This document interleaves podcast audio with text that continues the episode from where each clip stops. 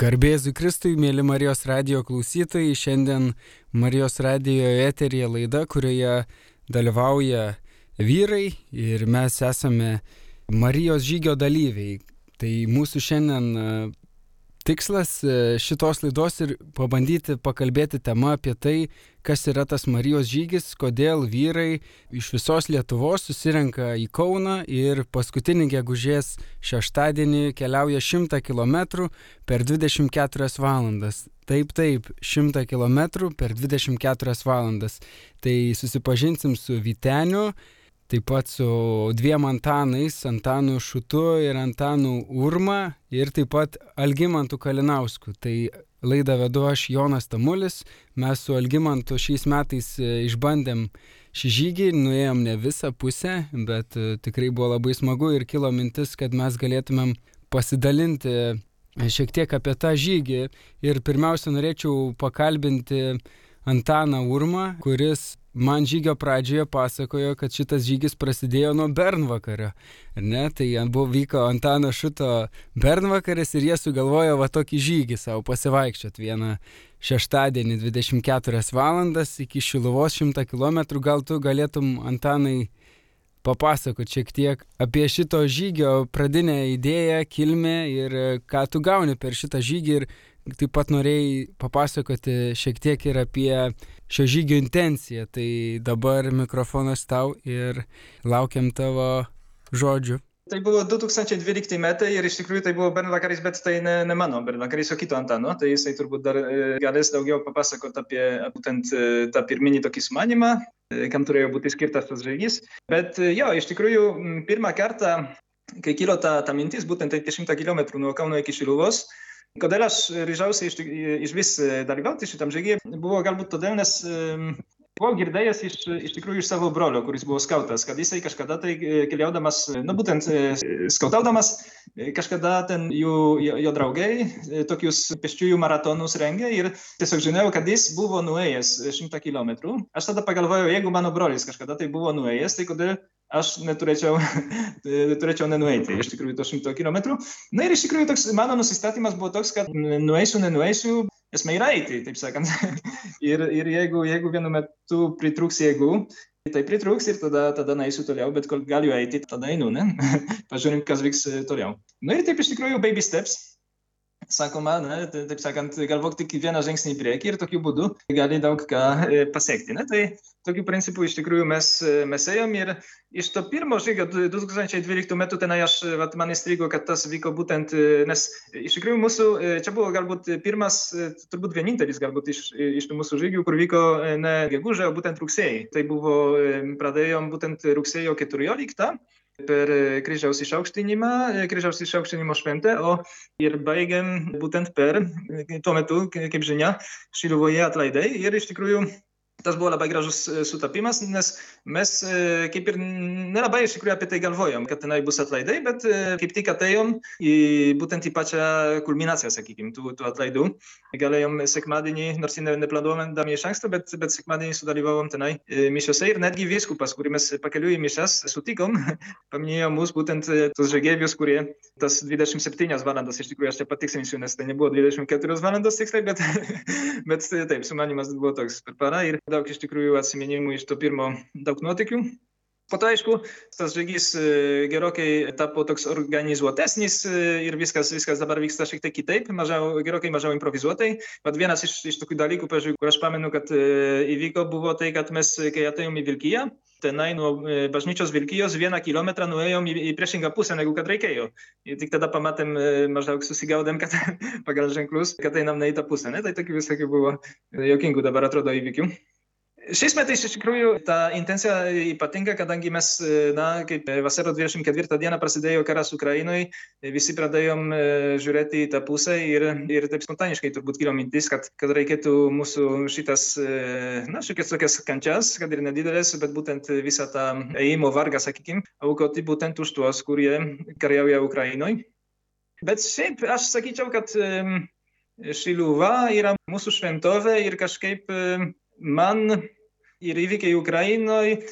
Bendras toks kontekstas man labai atrodo, kad kai, kai būtent kai prasidėjo visas šitas karas, aš pradėjau mintimis sugrįžti dar kartą į Fatimą iš tiesų, ne? kadangi mes prieš, prieš kelis metus iš tikrųjų šventėm šimtmetį apsireiškimų Fatimoje.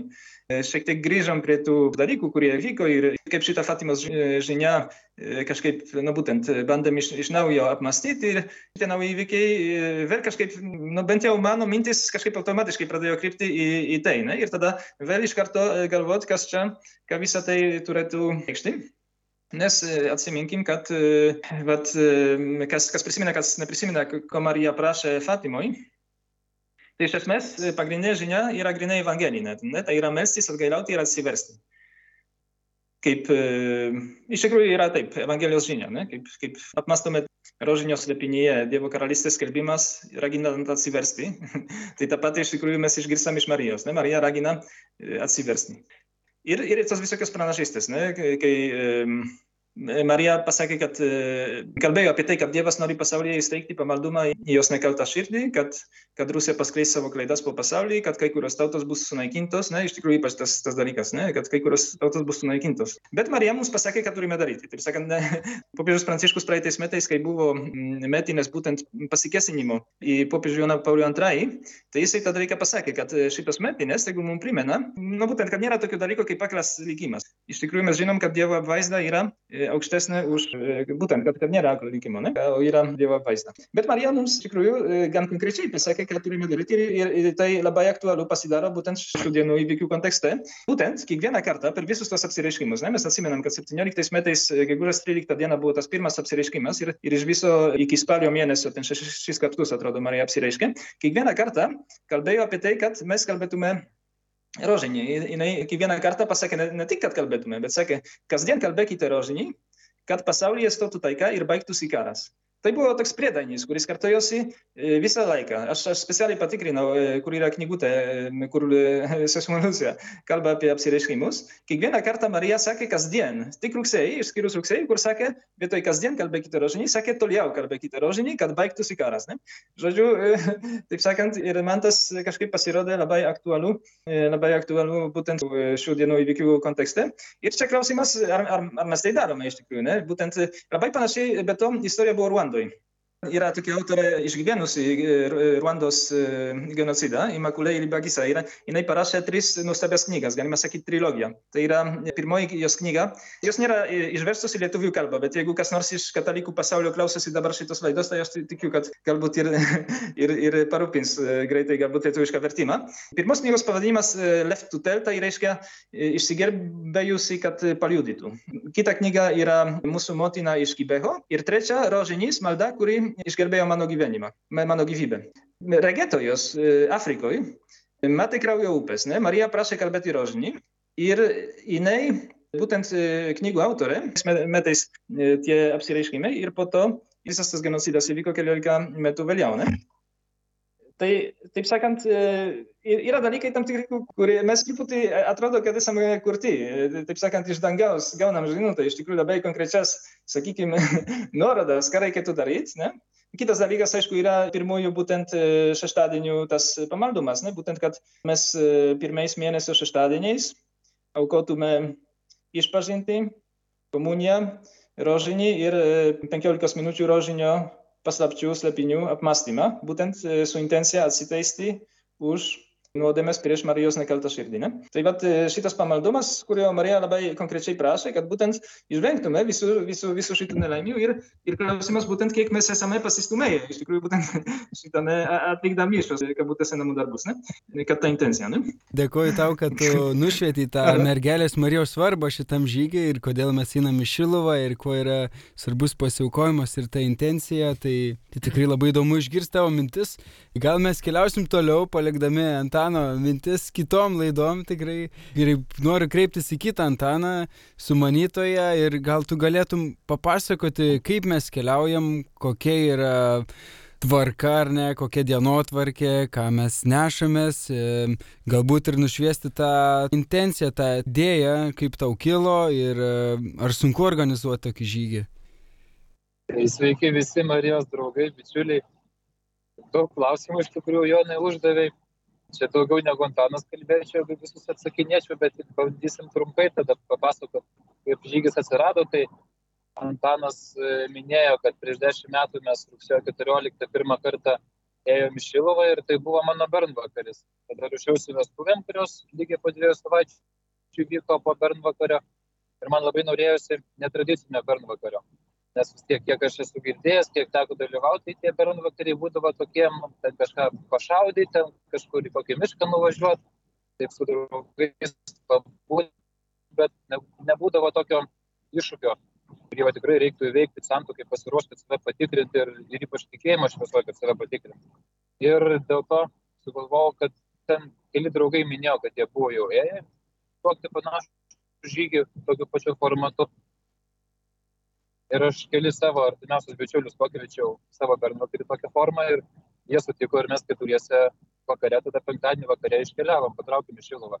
Tai kaip Patanas minėjo, tai buvo tikrai daug improvizacijos tame žygyje, daug Dievo veikimo, labai sunkus žygis buvo, nes mes buvom nepasiruošę, tada iš tikrųjų neturėjom šiaurietiško įmolas du, kurios labai padeda žygyje ir tikrai daug kentėjom, bet malda ir rožinis mus tada išgelbėjo atsiuntė mums mergelę Mariją, mūsų draugą pagalbininką, kuris mūsų kuprinės pasiemė, tris ketvirtadalių žygio nuėjus iš Betygolos, nes jau tos kuprinės būtų mus pribaigusios, nes vienas mūsų draugas buvo pasiemęs didelę tokią žyginę karišką kuprinę, prisidėjęs pilną daiktų, mes tą kuprinę nešim pakaitomis ir visi buvom pribaigti tiesiog tos kuprinės ir, ir pačių kuprinės irgi nemažai svėrė. Ir tas draugas atvyko, mūsų kuprinės paėmė, o buvo kad atsimenu šaltas, suspyrę buvom parduotuvėje, bet jeigu visi dėjo mums atvežė karštos arbatos, tokia buvo kaip dangiška dovana, mergelės Marijos siūstas angelas mumis, mes turbūt gal, gal ir nebūtume šiluvos pasiekę, nes labai sudėtinga buvo. Bet tada pasiekėm ir iš savo klaidų iš tikrųjų daug ką pasimokėm, ko nereikia daryti ir, ir ką reikia daryti kitais metais.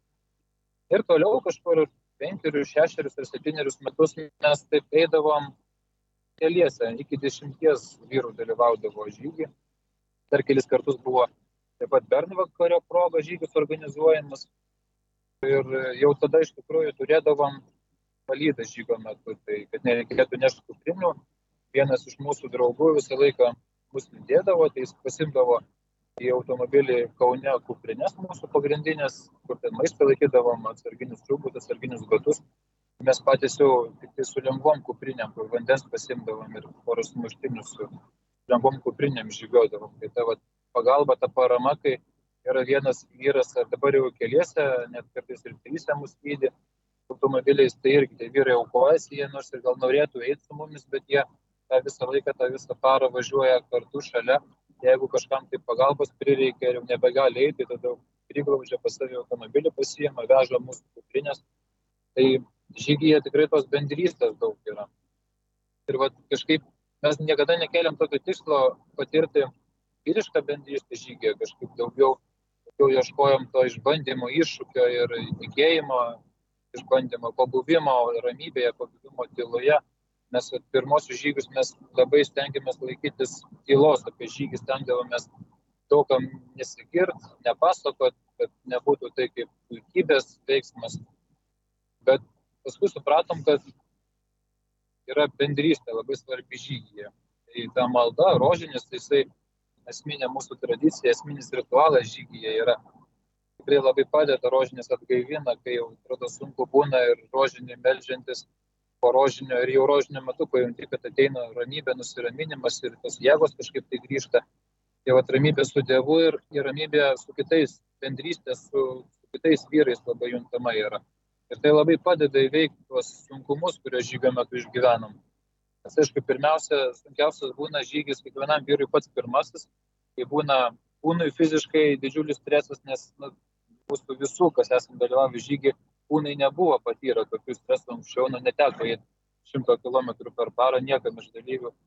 Tai pirmą kartą tikrai būna didelis šokas kūnui, tai jisai visai priešinasi, ožiuojasi, atkalbinėja žygio metu, gal tu čia susto, gal kam tu čia darai, nežudyk tu manęs. Bet kartu, kai matai, kad kiti irgi ne pati šviežiausia būna ir kažkaip malda labai padeda pamiršti savo vargus, savo suspaudimus ir bendrystė su kitais vyrais. Taip pat padeda sustiprinti pasitikėjimą savim ir sustiprinti tikėjimą, kad kartu, būtent neatsiskyrus vienam ir pasinėrus savo problemuose, bet būtent kartu su kitais tu gali įveikti didelius sunkumus gyvenime. Ir tai, sakyčiau, yra vienas iš didžiausių, gal net didžiausias atradimas žygyje, vyrai pastebi, kad jie tartum viršė savo jėgas, daugiau padaro žygio metu ir geriau išlaiko tą žygį, negu jie jaučiasi prie žygį, nes ten nu, mažai mūsų sportininkų yra, dauguma sėdime darbą, dirbam ir kartą per metus turim tokį didžiulį fizinį krūvį, bet kūnas atrodo reaguoja pakankamai draugiškai, kai yra šalia kitas kūnas einantis ir, ir vien, vienu ritmu, viena malda, besimelsdami mes kiekvienais metais ir einam, paskutinį gegužės šeštadienį tokią tradiciją turim, išeinam iš Kauno ir sekmadienį būnam Šilovoje, tai tas žygis virš 24 valandų trunka paprastai, nes mes truputėlį pamiegam. Žygio metu, bet įgalą, tai po 75 km atėję mes būnam jau sekmadienio paryčiais, 3-4 ryto ir paprastai 2-3 valandas pamiegam bet įgalai. Parapijos namuose mus labai draugiškai visą laiką priima, pamiegam, pailsim ir toliau jau sekmadienio rytą ateinam jau apie 12, apie 2 valandą į Šiluvą. Ir paskutinius žygius mes dar vieną tradiciją jau tokią pasidarėm, nešam kryžių, medinį kryžių, kuris apie 5 kg sveria. Tai irgi tas kryžiaus nešimas labai sustiprina vyrus. Ir kryžius vienas yra, o dalyvių paskutiniais trejais kartais buvo apie 30 vyrų. Tai tą kryžių mes dalinamės ir kartais net trūksta to kryžiaus, nes kažkas kitas nori jį paimti ir nešti, tu pats nori pasiimti kryžiaus lengvą švelnę naštą ir gerai su viešpačiu, kai kenti, tai ne visą laiką pavyksta tą kryžių susigauti, bet, bet irgi kryžiaus nešimas labai prasmina ypač tą kančią, va, kai būna sunku, mes tada, sakom, rekomenduojam kitiem, kad reikia būti kryžių, kai ne tada, kai skristi nori, bet kai yra sunku. Aišku, kai ir skristi nori, tada užsidėjęs kryžių truputėlį nusiramini, nes tai Kristaus kančia. Tai irgi kryžiaus nešimas tokia dabar tapo neatsiejama tradicija mūsų žygio. Ir iš tikrųjų, jeigu Dievas duos, jeigu Dievas laimins, tai ir kitais metais paskutinį gegužės šeštadienį keliausim ir kokią svajonę turime toliau per mūsų visą gyvenimą tęsti šitą žygį, tęsti tradiciją tą ir padėti pirmiausia tai savo tikėjimą stiprinti. Perduosim žodį Viteniui, kuris yra iš, jei neklystų, iš Irvintų rajono ir irgi kiekvienais metais, nežinau kilintą kartą, bet irgi dalyvauja ir noriu paklausti labai įdomu, koks tavo ateimo būdas, kaip tu atei iš tą žygį ir kodėl tu, va, kaip sakė Antanas Alinis savo kūną, žudai jį, ar ne, dėl ko? Labai teisingai pasakėte, aš esu gana naujas Marijos kelio žygyje, turbūt kokie trys ar keturi metai, kaip su šitais vyrais keliauju, bet kai pagavau, kai užsikabinau, tai labai intensyviai. Praleidau gal tik vieną žygį, nes tų mūsų katalikiškų maldos žygių, tokių ekstremalių piligriminių žygių ne vienas per metus vyko, tai per tos tris metus turbūt penkis kartus turėjau. Ir man tas būdas melstis yra savas ir priimtinas. Aš vaikščiotojas ir keliautojas turbūt e, tikrai ne 3 ir ne 5 ir ne 10, gal net ne 20 metų bet e, žygis su malda jis turi savo skonį, turi savo jausmą ir, ir po jo grįžti visai kitoks negu išėjai. Ir turbūt maldos būdai yra įvairių ir mano žmona, pavyzdžiui, labai jezuitinį dvasingumą mėgsta ir jai tas labai tinka rekolekcijos. Man tas galbūt kelio dvasingumas, pranciškoniškas dvasingumas, įimo dvasingumas, rožinio dvasingumas yra arčiau dušios ir labiau tiesesnis, aiškesnis kelias į Dievo. Kai tą surandi, tai viskas pasidaro aišku ir gerai, svarbu, kad po to nenutolk po žygio, nes kaip, kaip grįžti dar tą, tą gyveni dvasia, kurį laiką po to žiūri, vėl, vėl grįžti į savo buvusį aš. Ačiū Viteniu ir dar norėjau paklausti, koks būna tas pirmadienis nuėjus 100 km, nes aš, pavyzdžiui, jau 50, pirmadienį jau į mokyklą, kur dirbau tikybos mokytoju, Iš tikrųjų buvo labai geras jausmas, atsirado toks lengvumas, aš galėjau vesti pamokas su didžiuliu pasitikėjimu Dievu. Ir man buvo toks stebuklas, aš net kažkaip pamilau iš tikrųjų nu, iš naujo savo darbą ir noriu jūsų paklausti, Kvitenė, gal Antanai ir kitas Antanai, gal ir Algimantai, jūs galėtume papasakoti, koks būna jūsų pirmanis nuėjus šimtą kilometrų.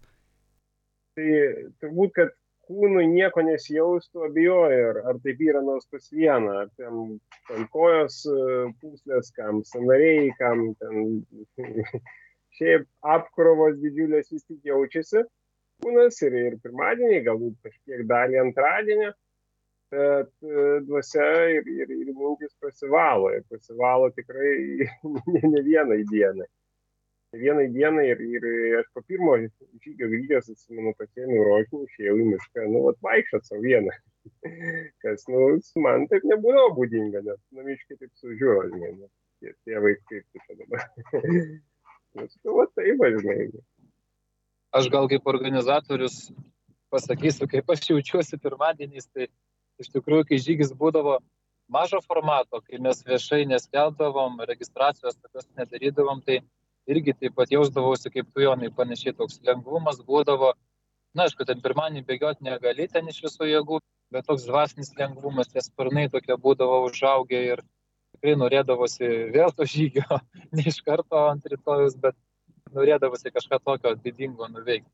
Bet va, kai pradėjom organizuoti tokį kaip rimtą renginį, kai daug tos informacijos platindavom ir, ir registracijos tos būdavo, tai tada ir šitais metais pakankamai pavargęs jaučiuosi, psichologiškai išsekęs ir jaučiuosi, kad tikrai nemaža auka yra tas žygio organizavimas. Ir fiziškai, vat, kas įdomu, jau šiemet antradienį tikrai gerai jaučiausi ir kūnas jautėsi, kad raumenys sustiprėja yra ir liktis kūnas galėtų tikrai netgi didesnį krūvį pakelt negu prie žygį galėjo, kad jis sustiprėjęs. Bet psichologiškai reikėjo savaitės, kad aš taip atsigaučiau, pasikraučiau baterijas ir galėčiau duoti darbo kūnui, nes kūnas nori dirbti, bet galva sako, ne, ne, tu dar, dar truputį pailsiek, dar žygį negalvo kol kas. Tai toks vat, atsigavimas šiek tiek ir lėtesnis yra negu vien tik tai, vat, jeigu dalyvaujant pirmą kartą ir neorganizuojant.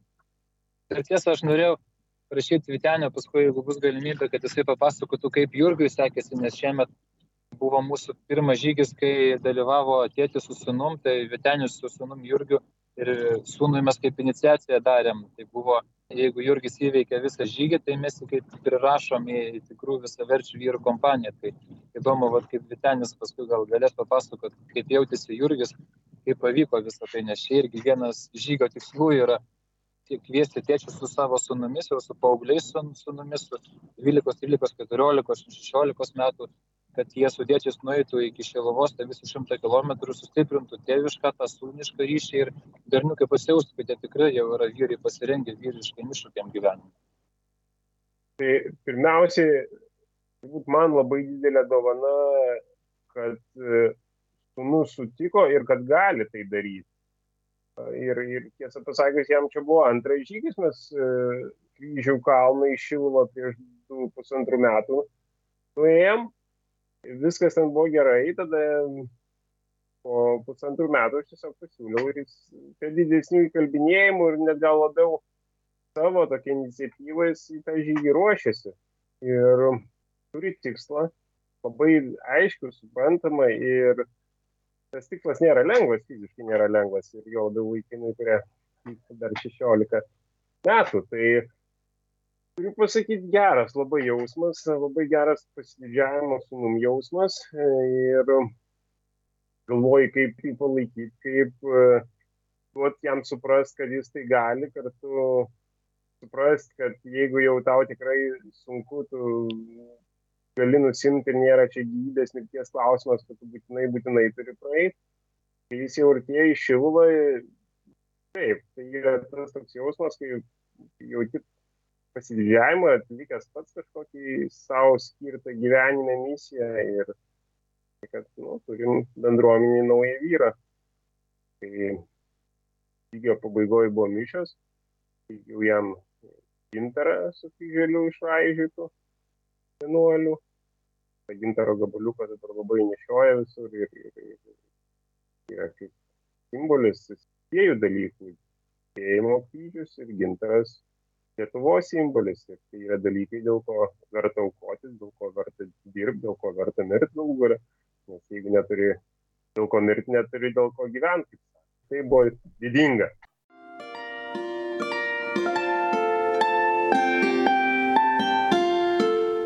Jūs girdite Marijos radiją.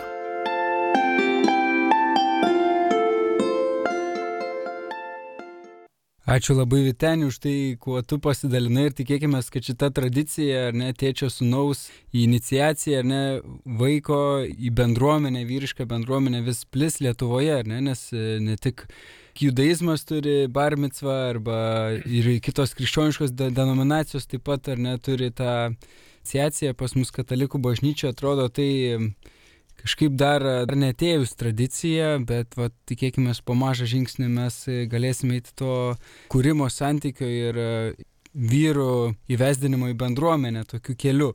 Tai šventasis Benediktas taip pat e, irgi, kai norėdavo priimti svarbius sprendimus, pasikviesdavo jauniausius brolius arba tuos, kurie yra trumpiausi bendruomeniai. Tai šiandien va, mes turim Algi, kuris šiais metais išbandė šį žygį ir norim paklausti, kaip tau, kaip pirmą kartą dalyvavusiam, ar, ar pateisino lūkesčius ir ar gavai tai, ko tikėjai.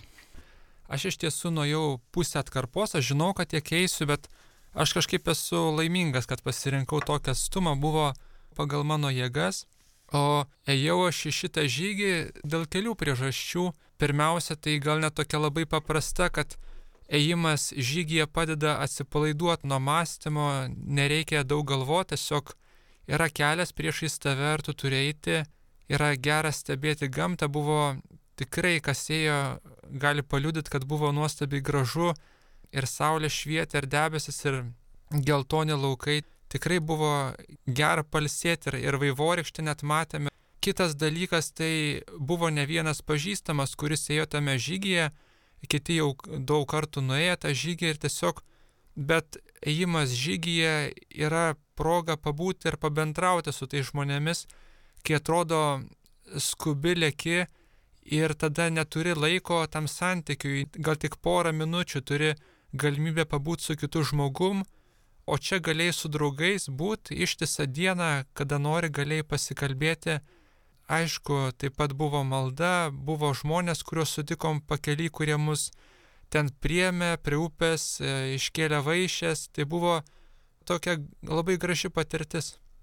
Ačiū tau, Algi, ir aš irgi galiu papildyti, kad man irgi žygis buvo puikia proga pabūti ir su kitais, ir su savimi, nes, e, kaip sakiau, dirbu mokyklai, kur yra nuolat bendraujama, nuolat komunikuojama ir žygi galėjau eiti tiesiog ir e, vietomis su nieko nebendrauti, tiesiog džiaugtis gamta ir nebuvo, kad kažkas prieina ir, ei, Jonai, wow, pralinksmėk arba panašiai, ne, bando dirbtinai kažkaip tave tenais e, kalbinti arba kad nesijaustum vienišas ir atrodo labai smagu, kad leidžia būti savimi.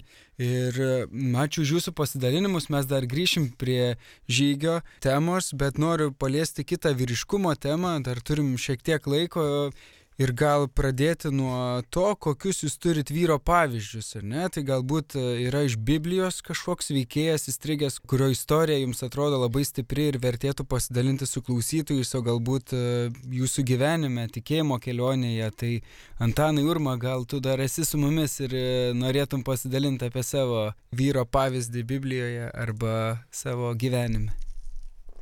Geras klausimas iš tikrųjų. Jeigu taip reikėtų greitai atsakyti, aišku, Jonas Paulius II man visada buvo, buvo didelis pavyzdys, bet čia paminėčiau, ko iš tikrųjų jis buvo, nu, vienas iš tikrųjų, be jokios abejonės aspektas, kurio jisai buvo pavyzdys man, tai ir būtų tas atsidavimas mergelei Marijai, kuris reiškėsi labai įvairiais būdais.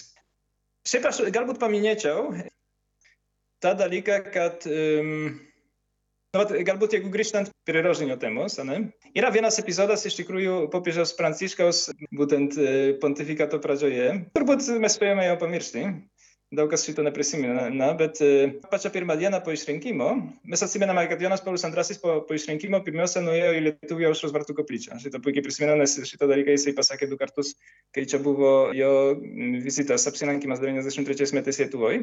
O štai Pranciškus nuėjo į Santa Marija Maggiore, ten vieną iš keturių didžiųjų Marijos bazilikų, kur meldėsi priešais Marijos paveikslą. Bet tai ne viskas. Baigęs melstis prie Marijos atvaizdo, jisai nuėjo į bazilikos kriptą, kur ilsisi jo pirmtako, dar kito pirmtako, popiežiaus Pijos V palaikai. Ir tikriausiai atsimenate, Pijus V labai trumpai buvo popiežių, šešeris metus iki 1572 metų buvo Romos viskupų. Ir jo laikys įvyko Lepanto mūšio pergalė. Nu, čia tikrai labai e, tenai daug, tame mūšyje daug vyriškumo pavyzdžių. Ne? Vienas iš jų buvo tas e, vadas šito mūšio, būtent e, Jonas Juanas Austras. Atrodo, kad popiežius iš tikrųjų būtent norėjo, kad jis vadovautų tam mūšiui, būtent dėl jo tokios riteriško, sakykime, santykio su švenčiausia mergelė. Ir iš tikrųjų būtent šitą pergalę yra galbūt galima laikyti šitą pergalę ištakomis tos tokio suvokimo, kad būtent malda yra pats veiksmingiausias ginklas. Ne?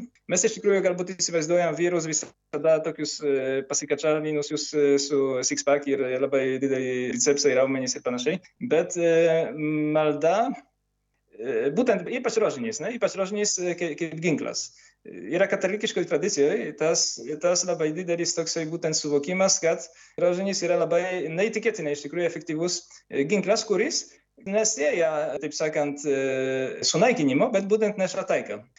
Labai didelė vidinė širdies ramybė. Žmogaus širdyje, individuo, bet, bet ir šeimos, miesto, šalies, galų gale viso, viso pasaulio. Ne? Tas vyriškumas, būtent vyriškumas, švelnus vyriškumas, aš sakyčiau, kažkaip skleidžiasi iš to atsidavimo, iš to atsidavimo Dievo motinai. Ne? Yra labai įspūdingas, kalbant dar apie Marijos apsireiškimus, susitikimas būtent Jono Didako su Guadalupe švenčiausia mergelė Marija. Ne? Marija jam pasakė, tai nurimsta tavo širdis, argi aš ne tavo motina. Iš tikrųjų pasirodė, tas labai smagu yra skaityti, skaityti tas dialogas, ne? kaip Marija kreipiasi, sako, mažasis mano sūnau, o jisai jai sako, irgi atsako to pačiu, mažoji mano dukrelė. Ne? Įspūdingas labai pokalbis, ne? tada kažkaip būtent tas mums šiek tiek parodo, galbūt, kad vyriškumas neprivalo būti agresyvus koks nors, bet būtent gali būti labai švelnus. Ačiū labai Antanui tikrai iš tavo išvalgas, sustiprina, manau, tikėjimo kiekvieno iš mūsų ir paskatina dar labiau mylėti mergelę Mariją. Kaip kitiem, ar kiti turit kokių pavyzdžių, kuriais norėtumėt pasidalinti ir kuo jūs tai įkvėpia ir padeda išlikti vyriškais? Mes prie žygį keletą turėjom tokių vakarų, kad dalyviai susitikdavom irgi pokalbėm. Ir vieno iš tokio vakaro buvo užduotis pasirinkti, pristatyti kitiem bendražygiam savo vyrą kaip pavyzdį, kurio minimą arba kurį pagerbent norėtume eiti šitą kelią. Ir aš ilgai galvojau, kas tai man galėtų būti, kad rinkausi galiausiai tarp savo tėčių ir, ir mano mokytojo Bronislovo Burgio ir galiausiai pasirinkau antrą. Tai yra mano mokytoja Bronislovo Burgį, tiesą pasakius, jis gal net nelabai tikintis žmogus buvo, bet buvo labai tiesus, šviesus ir tikintis mumis kaip vaikais, kaip mokiniais, pasi, pasitikintis mumis.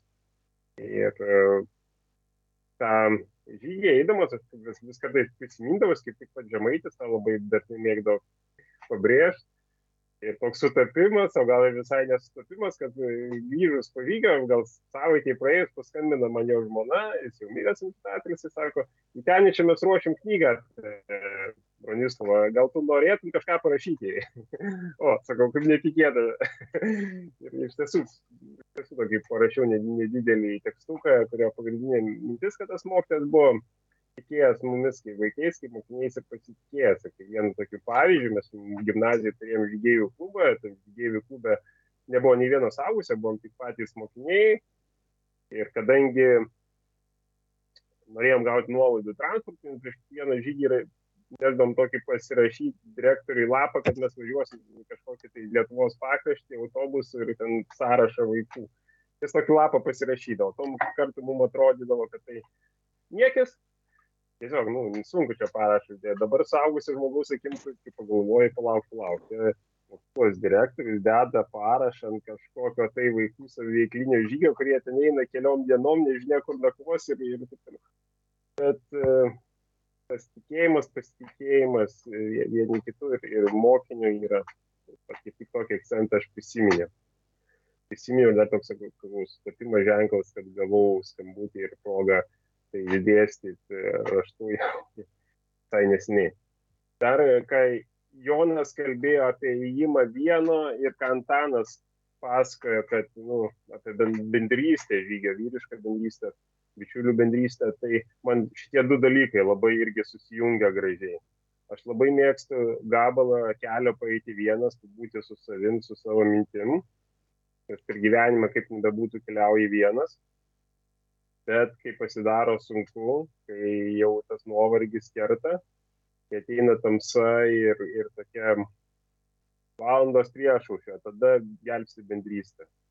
Tada jau tengiuosi susirasti kažkokių kurelį žmonių, elsis, pokalbiai, istorijos, tai iš, ištempia, išveda iš malda.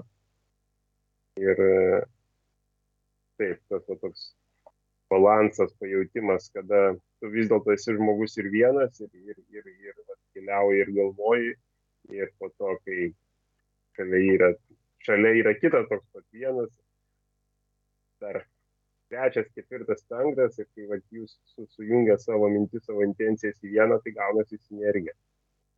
Taip, aš jeigu apie vyriškumo pavyzdį, kurį turėjau, tai iš tiesų gal ne vieną turėjau daug, nes turėjau daug tikrai nuostabių draugų, kurie parodė ir tokių darybių, kaip ir tokio šviesaus optimizmo, tvirtumo, um, tokio ryšto. Kiti tai kaip tik buvo daugiau menininkai, turėjo ir jautrumo, bet kartu ir tokio tvirtumo, kaip ir sakė Antanas prieš tai, kad tas vyriškumas nebūtinai reiškia kažkokį ar tokį perdėtą griežtumą, kad tikrai aš manau, kad į tą vyriškumo savoką labai daug kas telpa. O jeigu iš tokių pavyzdžių, kas man tikrai tokia atrodo tikro vyro pavyzdys, tai toks palaimintasis Pieras Džordžio Frasati, kuris irgi buvo pilnas gyvybės, jisai labai daug ką veikė savo gyvenime, buvo tikrai kaip ugnis ir tikrai tas jo pavyzdys uždega. Ačiū Jums e, už Jūsų pasidalėjimus, liudimus, nes e, būtent per tai mes ir galim atrasti iš tikrųjų, kas mums yra tikri vyrai ir e, prašysiu Antano Šuto dabar papasakoti truputį apie tai, kur mes galime rasti informacijos apie žygį ir ką daryti, jeigu kažkoks vyras, kuris klausė šitos laidos, galbūt netyčia įsijungė galėtų kreiptis ir e, prisijungti. Taip pat esu girdėjęs apie Švento Antano didžiojo brolyje, galbūt tai yra vieta, kur galima kreiptis. Tai jeigu kažkas susidomėjo žygiu, tai žinokit, artimiausias žygis, bent jau kol kas taip ant popieriaus planuotas, tai yra kitais metais Marijos kelias paskutinį gegužės šeštadienį.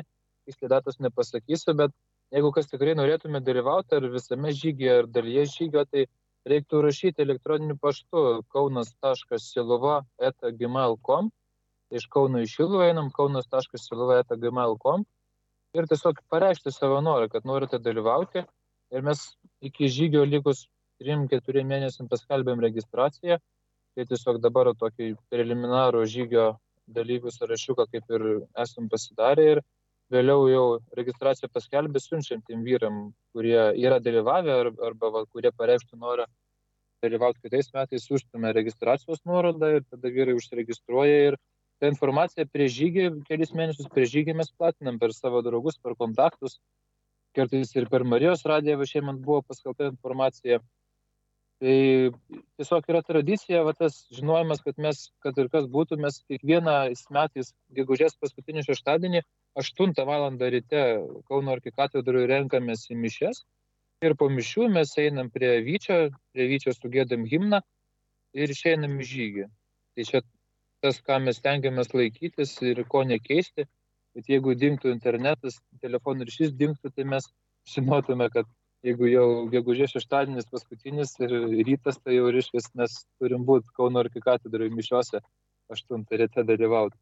O dėl Švento Antano didžiojo brolyjos, tai kol kas ta brolyja yra daugiau mūsų širdise, mūsų svajonėse, nes e, visi esam e, žygio organizatoriai vedė ir dauguma vedė, vaikų turim, turim daug įsipareigojimų ir kol kas, kol kas ta brolyje galbūt ateičiai dar yra mūsų palikta tas įsikūrimas, bandėme įsikūrimą galvoti, bet pamatėm, kad mums kol kas šitame gyvenimo etape, kai vidutinio amžiaus esame ir, ir tie ir vaikai, vis, visas tas namų ūkis, jisai daug iš tikrųjų jėgų atima ir galbūt jau kai būsim vyresni, jeigu Dievas duos jėgų ir jeigu tai bus Dievo planas, tai aš manau atsiras ta brolyje ir konkrečiai tada jau galėsim per, per brolyje žygius organizuoti. Bet kol kas tai yra draugų iniciatyva, bendraminčių bažnyčios narių planas ir mes kiekvienais metais va, tą tradiciją turim. Gegužės paskutinį šeštadienį jungiamės visi į žygį. Dar gal galėčiau pasakyti iš mano pusės apie vyriškumą ir apie tai, kokie šventieji mane veda per šitą žygį ir kviečia organizuoti žygį, tai būtų, vat, kaip čia ir Vitenis, kaip Antanas minėjo, tas svarbu tokia buvimas tyloje, tylos paieškos. Ir vienas iš tokių žygio globėjų tai būtų vat, Šventas Antanas Didysis, apie kurio brolyjos įkūrimą mes ir svarstome, svajojame. Tai vat, būtent tas šventasis, kuris pirmaisiais amžiais gyveno ir pradėjo tą tokį tradicinį dabar jau vienuolišką gyvenimą, atsiskyrėlį gyvenimą gyveno, tai tas buvimas dykumoje buvimas vienumoj, tyloj. Tai va yra kaip Švento Antano didžiojo globai mes esam atsidavę per žygį, esam žygio organizavimą. Jam pavedė ir pernai metais organizavom būtent jo vardui skirtą žygį, ėjom 200 km, 220 km iš Žemaičių kalvarijos į Palendrius, iš Palendrių į Šilovą, iš Šilvos į Kauną. Per tris paras 225 km įveikėm kaip Švento Antano didžiojo intencija buvo, jo globa, jo užtarimas lydėjo irgi buvo ypatinga bendrystė. Taip pat ir Jonas Paulius II, jisai nuo pat pradžių buvo mūsų žygio globėjų, nes išėjame iš katedros, tai būna pasimeldžiam prie Jono Paulius II relikvijos, prie altorėlio, jisai labai mėgo taip pat žygius kalnuose, jis mūsų bendramintis yra. O man pačiam vyriškumo viena iš pagrindinių savybių tai yra pasiryžimas kovoti ir nepasiduoti. Tikslo užsibrėžimas, kad aš imsiu, jeigu suplanavau, aš tai ir padarysiu. Aišku, apsvarščiu savo jėgas, savo galimybės, bet jeigu užsibrėžiai tikslą pasiekti šilovą, tai tu tą šilovą ir pasieksi. Aišku, ne per savo sveikatos kainą, nes visą laiką vyrams žygį sakom, jeigu jau yra traumos situacija, kažkokia trauma patyrė, umus skausmas kažkuria kūno daly, tu turi sustoti, nes tai nėra gyvybės ir mirties klausimas, būtent šitais metais tu šilovą pasiekti, Bet jeigu tai yra nuovargis, tai tas, sekinantis nuovargis tu turi įveikti, nes tai yra vyriškumas, nepasiduot nuovargiui, nepralaimėti tos kovos ir yra tam tinkami įrankiai, malda, vyriška bendrystė, kryžius, tai tikrai viskas, ko reikia tą nuovargį įveikti. Ir, ir tas pasirežimas, užsispyrimas, tai manau viena iš pagrindinių vyro savybių. Tai būtų būtent pasirežimas asmeninis, ne tai, kad aš čia dabar pasiryšiu, kad mano žmona būtų idealus, tobulas žmogus ir aš ją gyvenime ar atversiu, ar, ar padarysiu geresnė, ar kažką kitą artimai kažkokį tai pakeisiu, bet būtent keisti pirmiausia save pasiryšti. Keisti save, savo kovas nepralaimėti kartu su viešpačiu. Ir va taip, čia pastaruoju metu pradėjau dalios Grinkivičiūtės knygą prie Lapkrivo jūros skaityti ir mane labai iš tikrųjų įkvėpė jos jaunos mergaitės, ne 14 metų buvo ištremta į, į tolimuosius rytus prie Lapkrivo jūros, tai jinai nuo pat pradžių pasakė, kad jinai turėjo pasiryžimą, kad kad ir kas būtų, jinai ištvers visą tai, kas jos laukia ir jinai sugrįš į Lietuvą. Jonas sako, ko tu čia liūdnas, toks per linksmėk, suprantam, kai matom, jeigu vyras nori pabūti ramybėje vienumoje, mes duodam, nieks nelendam į akis, kaip sakyti, bet jeigu matom, kad jau kažkas atsilieka, jau jam sunku, tai tada stengiamės būti kartu su juo ir nepalikti kažko tai vieno tam tos išbandymuose. Ir Dievas visą laiką padeda, jisai padeda mums tas kovas laimėti. Ir tikrai stiprina vyriškumą, tos įveiktos kovos, ta, įveiktų kovų patirtis, jinai kažkaip kelia pasitikėjimą savim ir bendrystę su Dievu didina. Ačiū, aš iš tikrųjų norėčiau pareklamuoti vieną pagalbos vyroms liniją, jeigu yra kažkas iš vyrų pažįstat ar esat, kurie išgyvena tikrai sunkius laikus, tai pirmadienį, sekmadienį veikia Pagalbos vyrams linija Nelik vienas veikia vakare nuo 18 iki 21 valandos ir telefono numeris yra 8604 11 119. Jau kapsi paskutinės mūsų laidos minutės. Tikrai dėkoju visiems, kurie dalyvavot. Antanui Šutui, Antanai Urmai, Viteniui Dabkevičiui, Elgimantui Kalinauskui. Laidą vedžiau aš, Jonas Tamulis. Ir užbaigsime mūsų laidą malda. Kai mus jėgos apleidžia, tu būk jėga šventoji dvasia. Kai mus lygas silpnina, tu būk sveikata šventoji dvasia. Kai mus klausimai vargina, tu būk atsakymas šventoji dvasia. Kai mus rūpešiai kamuoja, tu būk išeiti šventoji dvasia.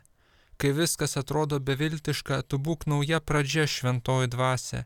Kai mirtis artinasi, tu būk gyvenimas šventoji dvasia. Amen. Amen, Amen sudė.